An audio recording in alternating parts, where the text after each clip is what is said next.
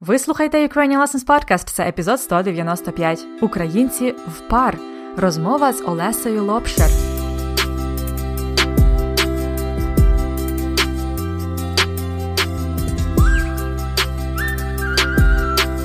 Вітаю, це Анна і ваші уроки української. Подкаст для всіх, хто вивчає і любить українську мову. У нас зараз триває серія інтерв'ю з українцями по всьому світу. Це, мабуть, поки найскладніші епізоди подкасту, бо тут ми говоримо досить вільно і в звичайній швидкості. Але навіть якщо ви можете зрозуміти тільки трошечки з інтерв'ю, це вже чудова практика мови для вас. Ну а повний текст інтерв'ю з перекладом складних слів, додатковими таблицями, вправами, як завжди, є в конспекті уроку. Сьогодні ми з вами прямуємо на далекий південь до Африки, а саме Південно-Африканської Республіки або ПАР. Дуже приємно і несподівано було знайти українку, яка живе в пар і там дуже активно популяризує українську культуру. Її звати Олеся Лопшер. Перейдімо до розмови з нею. Сьогодні ми вітаємо на подкасті гостю з Південно-Африканської Республіки або ПАР Олесю Лопшер. Олеся мешкає в пар уже майже 20 років але бере дуже активну участь у розвитку співпраці з Україною. Вона віце-президентка Української асоціації в ПАР, представниця торгово-промислової палати України, а також координатор українського глобального екопроєкту Озеленення України. Я дуже рада вас вітати на подкасті Олесю. Добрий день. Доброго дня, Анна. Також е, дякую за запрошення. Розкажіть, будь ласка, нам більше про себе, де саме ви живете, і за яких обставин ви переїхали до пар? Я народилась і виросла в Україні, здобула там освіту, ем, е, диплом лінгвіста, це іноземні мови, а також юридичний диплом. Працювала е, на українсько-канадському підприємстві на е, досить такій керівній посаді. А потім так склалася доля, що я закохалася в громадянина пар, і е, ми одружилися, і я переїхала в цю країну. Е, хочу сказати, що приблизно 80-90% усіх громадян, які проживають е, в пар, громадян України, вони також е, попали сюди шляхом одруження, тобто через одруження. У нас трудових іммігрантів ну дуже мало. Така романтична причина, переважно. Так, пар це романтична країна, далека, невідома, сюди можна попасти тільки через велику романтику. Це правда, звучить дуже екзотично. І коли ви туди потрапили, е, почали жити там, чи подобалось вам, чи, чи закохались ви в пар швидко? Ну, е, я спочатку приїхала з візитом до е, мужчини, який, з яким я тоді зустрічалася, і я спочатку закохалася в пар. Спочатку в нього, тоді в пар. Тоді було прийнято рішення, що е, ми далі будемо рухатись по життю разом. І е, пізніше я переїхала в цю країну у 2002 році. Оскільки на той час я вже подорожувала по багатьох країнах, була в Америці, в Європі, в багатьох, багатьох країнах, то я очікувала, що переїзд в пар буде відносно легким. Але мої сподівання не здійснилися, тому що пар зовсім інша країна, не подібна ні на яку, вона зовсім відрізняється усім. Е, культурою, географією, кліматом, в нас сезони навпаки, людьми, мовами. Тобто, ну, абсолютно, абсолютно мені приходило прийшлося тут е, вчитися всього заново. Звичайно, спочатку було дуже важко, е, великі культурні такі різниці в нас між нашими країнами. І зараз, вже коли пройшло багато років, то звичайно я себе тут комфортно почуваю, е, я вже освоїлася, але насправді спочатку переїжджати в такі різні і далекі країни це непросто. Так, це правда. А ви згадали про українців, які також живуть в пар. Наскільки велика спільнота українців і наскільки вона активна в пар? Українців загалом є не дуже багато. За різними даними, це кілька тисяч. Проте не всі вони є активними учасниками діяльності, наприклад, Української асоціації. В нас є більше ста членів. Осередок це приблизно, скажімо, 20-20 людей. Але ми є дуже активними і беремо участь у багатьох проєктах, причому в різних напрямках.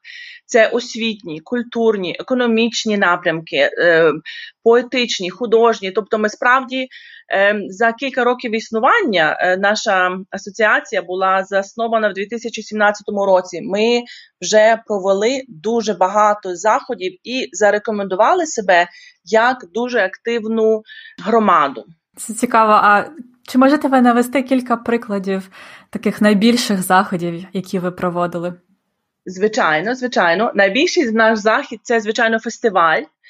Е, ми його проводимо щорічно. Перший був проведений в 2017 році, і е, оскільки в нас все робиться вперше, тобто ми, от е, перша громада, перший фестиваль, ми не знали, скільки прийде людей, скільки буде скільки потрібно готуватися, чи буде зацікавленість. У нас на перший фестиваль прийшло приблизно тисяча людей, Ого. що ми не очікували. Так, не очікували. Тому що прийшли ем, родичі, знайомі, також люди з інших е, країн зі Східної Європи, які тут проживають. І фестиваль, звичайно, був дуже вдалий. Ем, Наступні роки це притягнуло навіть більше, ем, е, більше уваги і більше відвідувачів. Е, поза минулому році в нас був фестиваль вживу, тому що зараз у зв'язку з пандемією ми прийшли на звичайно в онлайн. То тоді в нас було більше двох тисяч людей. Ага. Е, знову ж таки, так. Ми запрошуємо митців з України. Ми готуємо свою програму, знайомимо з культурою, з традиціями, з кухнею. Тобто, в нас такий всебічний, всебічний, яскравий, голосний фестиваль. про які вже тут навіть місцеві знають. І, власне, з ціллю того, щоб показати нашу таку культуру колоритну, ми робимо ці фестивалі. Mm, класно. І зараз, я так розумію, в часи пандемії у вас е, переважно заходи відбуваються онлайн. Е, так, чи так. є все одно, чи щось вам вдається в ці часи робити?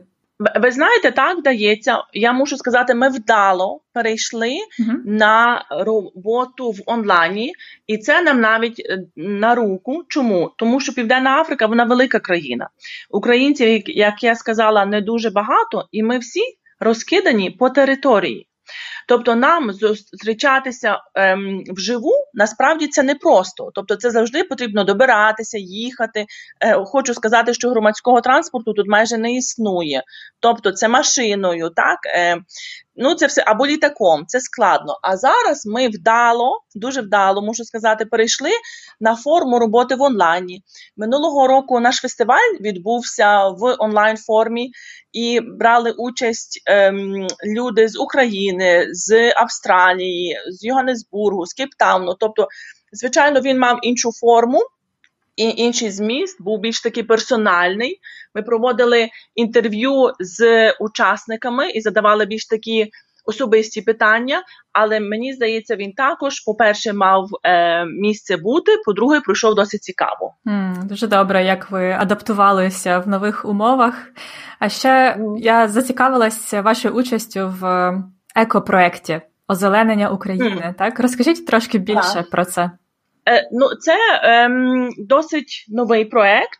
Він розпочався в Україні минулого року, і його розпочала бізнес-спільнота. Оскільки я є представником торгово-промислової палати України, то це через, скажімо, е, цей канал я була залучена. А цього року е, цей проект став глобальним, і ціль проекту, практична ціль висадити 1 мільйон дерев у 100 країнах 10 е, квітня цього року. Угу. Так що запрошую усіх учасників висаджувати дерева. Так, ем, е, більше інформації про цей проект можна знайти на вебсайті greeningplanet.org. Ага, І так. можна посадити дерево, е, свою фотографію, координати внести, і вас буде додано до е, загальної такої глобальної карти учасників. Супер. Ми обов'язково додамо посилання на сайт е, на сторінку цього епізоду. Угу. Олесю, розкажіть ще, я так бачу, ви дуже берете активну участь в різних українських спільнотах, організаціях. Я так розумію, у вас багато можливостей використовувати українську мову. Як часто ви спілкуєтесь українською зараз? Ну, коли я переїхала сюди, е, перший рік-два в мене взагалі не було е, кругу спілкування на українській мові. Я нікого не знала. А зараз, коли це помінялося, все більше українців тут е, з'явилося, і ми почали об'єднуватись, то я, звичайно, ем, вирішила скористатися цією можливістю, і напевно, тому що я все-таки сумувала за Україною, за своїм, знаєте, за своїми людьми, за культурою. Тому я активно долучаюсь до всіх проєктів ем, і е, беру участь у них у багатьох форматах, і тому зараз е, використовую українську мову досить часто. Звичайно, минулого і цього року всі перейшли в онлайн. Проводяться різні заходи, це в культурному, в освітньому, в економічному напрямку, причому на висо... на різних рівнях. І, звичайно, в мене зараз українська мова це, скажімо так, друга робоча мова, що було не завжди. Так, ну можна почути, що взагалі рівень української мови нікуди не подівся, тобто ви дуже так активно і, і е, якісно говорите українською. А чи буваєте ви часто в Україні? Е, В Україні буваю, на жаль, не часто, але хочу побувати частіше. По-перше, в мене е, мої діти, в мене тут сім'я є, звичайно, діти підросли, значить, в мене є більше можливостей подорожувати. По-друге, я розвиваю бізнес, е, а бізнес це різний: е, торгівлю, інвестиції і також туризм. І до слова, у липні цього року я планую провести перший тур іноземців по Україні. Так що також запрошую ваших учасників, іноземців, доєднуватися. Ми провеземо їх Україною, Києвом, Львовом, Одесою, покажемо наші перлини. Так що я думаю, що це також мені дасть можливість частіше бувати в Україні і ділитися її е, красотою з іноземцями. Ого, так це я впевнена, буде цікаво нашим слухачам. Ми залишимо інформацію також на сторінці подкасту. А чи є у вас якісь спогади про Україну ще з тих часів, коли ви жили постійно, які іноді ви згадуєте і думаєте, о, добре було? Так, звичайно. Ем, напевно, найглибші е, спогади в мене це про мого діда і бабу, які жили на селі. І я згадую, в мене емоційні, емоційний момент. ем, е, згадую їх ем, пісні, їх щиру душу, велике серце. Ем, урожай паперівок. Ем, це, напевно, такі най, ем, найглибші е, спомини. Перепрошую за емоційні. Нічого, ви можете взяти хвилинку. А де вони жили? Вони жили на селі у Львівській області. Я е, хочу ще сказати, що така цікава історія. До речі, сьогодні прочитала зранку статтю про корів, які живуть зараз в Чорнобильській зоні. Як ми знаємо, корови це свійські тварини, а Чорнобильська зона це зона відчуження, яка після е, катастрофи в Чорнобилі, так там люди більше не мешкають. І от коли ці корови залишились е, самі, ніхто за ними не доглядав, з ціллю виживання вони почали поводитись не як міські корови, а як тури, М, як їхні предки. Вони е, шукають траву під снігом, е, копитами риють, вони живуть в стаді, в них є лідер, вони захищають телят своїх. Тобто вони, знаєте, як вернулись до свого коріння, такого глибокого. Ага. Я хочу провести паралель, приблизно те саме сталося і в мене. Тобто, коли я жила тут на чужині, взагалі не було своїх, ем, фактично я вернулася до свого коріння. І зараз живу таким життям осмисленим. Що має значення для мене і для мого роду, і тому я займаюся проектами, які для мене важливі. І тому проекти з Україною, з культурою, з бізнесом, з туризмом і, звичайно, природа. Дуже цікаво почути ще ще одну людину, яка в принципі знайшла себе в двох країнах і активно бере участь не тільки в житті країни, де живе, але й країни свого народження. І мені здається, це нас культурно збагачує, робить вдвічі багатшими на такі е, національності, на дві національності, можна сказати. І це дуже дуже цікаво і приємно почути. Так, це правда, е, тому що в мені зараз є дві культури і України і Південної Африки, і це справжнє багатство. Так, це збагачує, цей досвід збагачує. Дякую, Анна. Дуже дякую вам, Олесю, е, за таке таку цікаву розмову, натхнення і.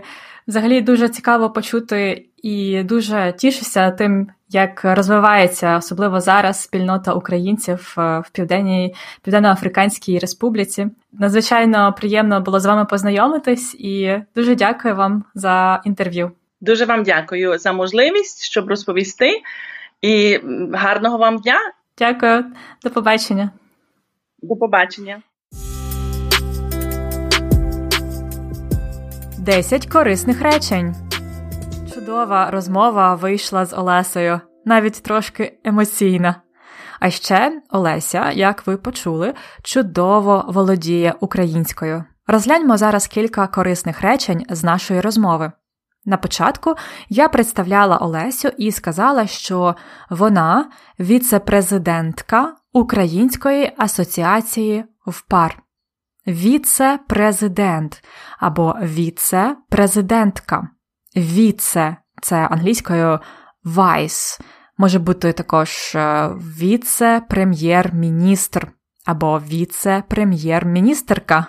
Зараз в українській мові ми частіше вживаємо фемінітиви для професій: міністерка, президентка і так далі. Вона віце-президентка Української асоціації в ПАР. ПАР це абревіатура країни Південно-Африканська Республіка. Повторіть, вона віце-президентка Української асоціації в ПАР.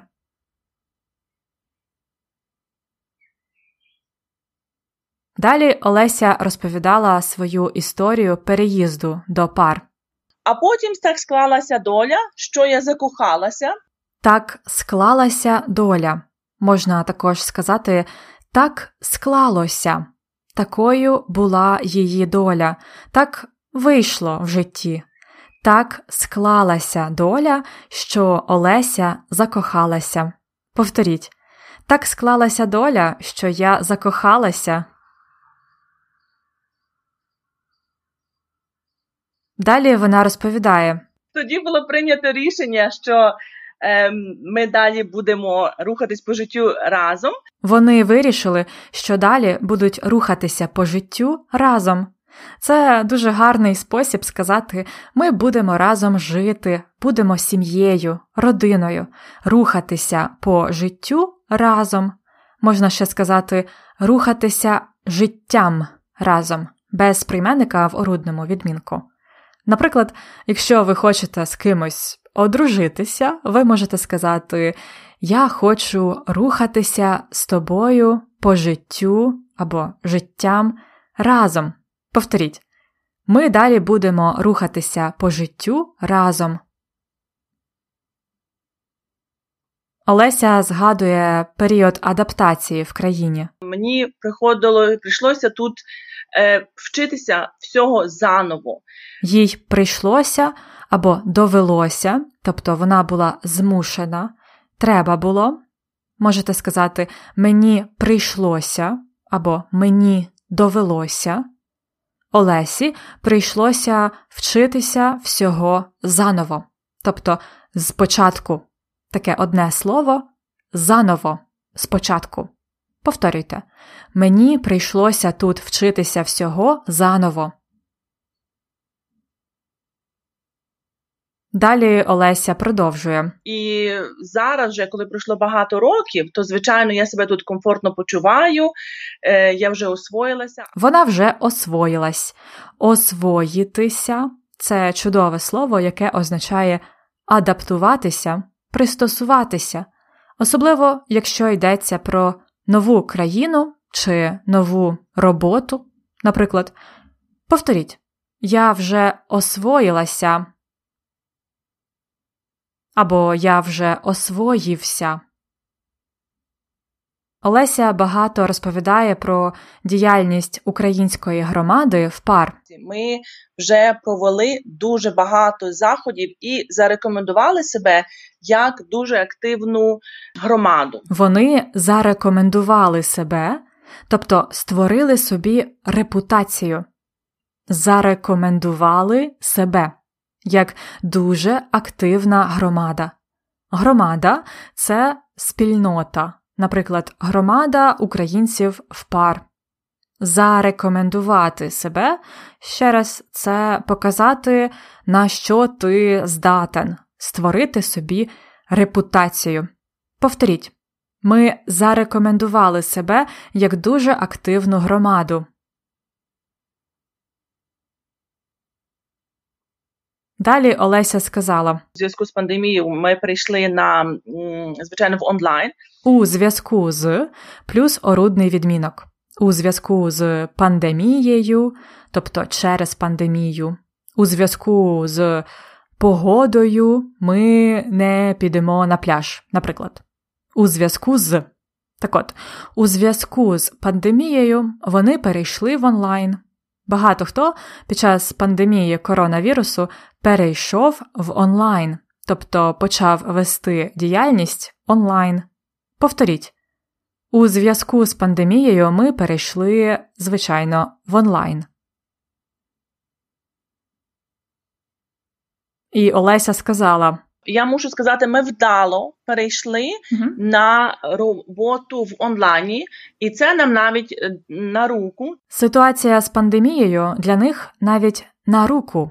На руку це фразеологізм, який означає корисно. Ситуація на краще. Це допомогло на руку. Те, що у світі всі перейшли в онлайн, було їм на руку допомогло їм досягти більшої кількості людей. Повторіть це корисне речення, це нам навіть на руку. Також Олеся зараз планує тур Україною для іноземців. Вона розказувала: ми провеземо їх Україною, Києвом, Львовом, Одесою, покажемо наші перлини. Вони провезуть іноземців Україною. Провести це вести транспортом по різних місцях, провезти когось. І вони провезуть іноземців Україною і покажуть їм наші перлини. Перлини це метафорично найкраще, що в нас є. Різні гарні місця, наприклад, українські замки, заповідники і так далі. Це перлини України, можна так сказати, метафорично, найкращі місця, перлини. Повторіть, ми провеземо їх Україною, покажемо наші перлини. І наприкінці ми поговорили про життя в двох культурах. Тому що в мені зараз є дві культури і України, і Південної Африки, і це справжнє багатство. Так, це збагачує, цей досвід збагачує. Це справжнє багатство від слова багатий, багатство. Але тут Олеся мала на увазі не гроші, а той факт, що вона має дві культури, дві країни, і для неї це справжнє багатство. Це збагачує цей досвід збагачує. Збагачувати це робити вас більш багатими. Може бути про гроші або просто про щось нематеріальне. Наприклад, подорожі нас збагачують. Повторіть ще раз це останнє речення. Це справжнє багатство, це збагачує, цей досвід збагачує. І це все на сьогодні. Дуже цікаво було дізнатися, як живуть українці Південно-Африканської Республіки. До речі, посилання на проєкти, які згадувала Олеся, ви знайдете на сторінці епізоду ukrainianlessons.com риска епізод 195. Це екопроєкт і тур Україною. А в конспекті уроку ви знайдете повний текст інтерв'ю і, взагалі, всього, що я говорю на подкасті, переклад складних слів, вправи, таблиці. Тому, якщо ви ще не оформили преміум підписку на конспекти, дізнавайтеся більше про це там само на сторінці ukrainianlessons.com episode 195. Бажаю вам гарного дня чи вечора. До наступного інтерв'ю. На все добре!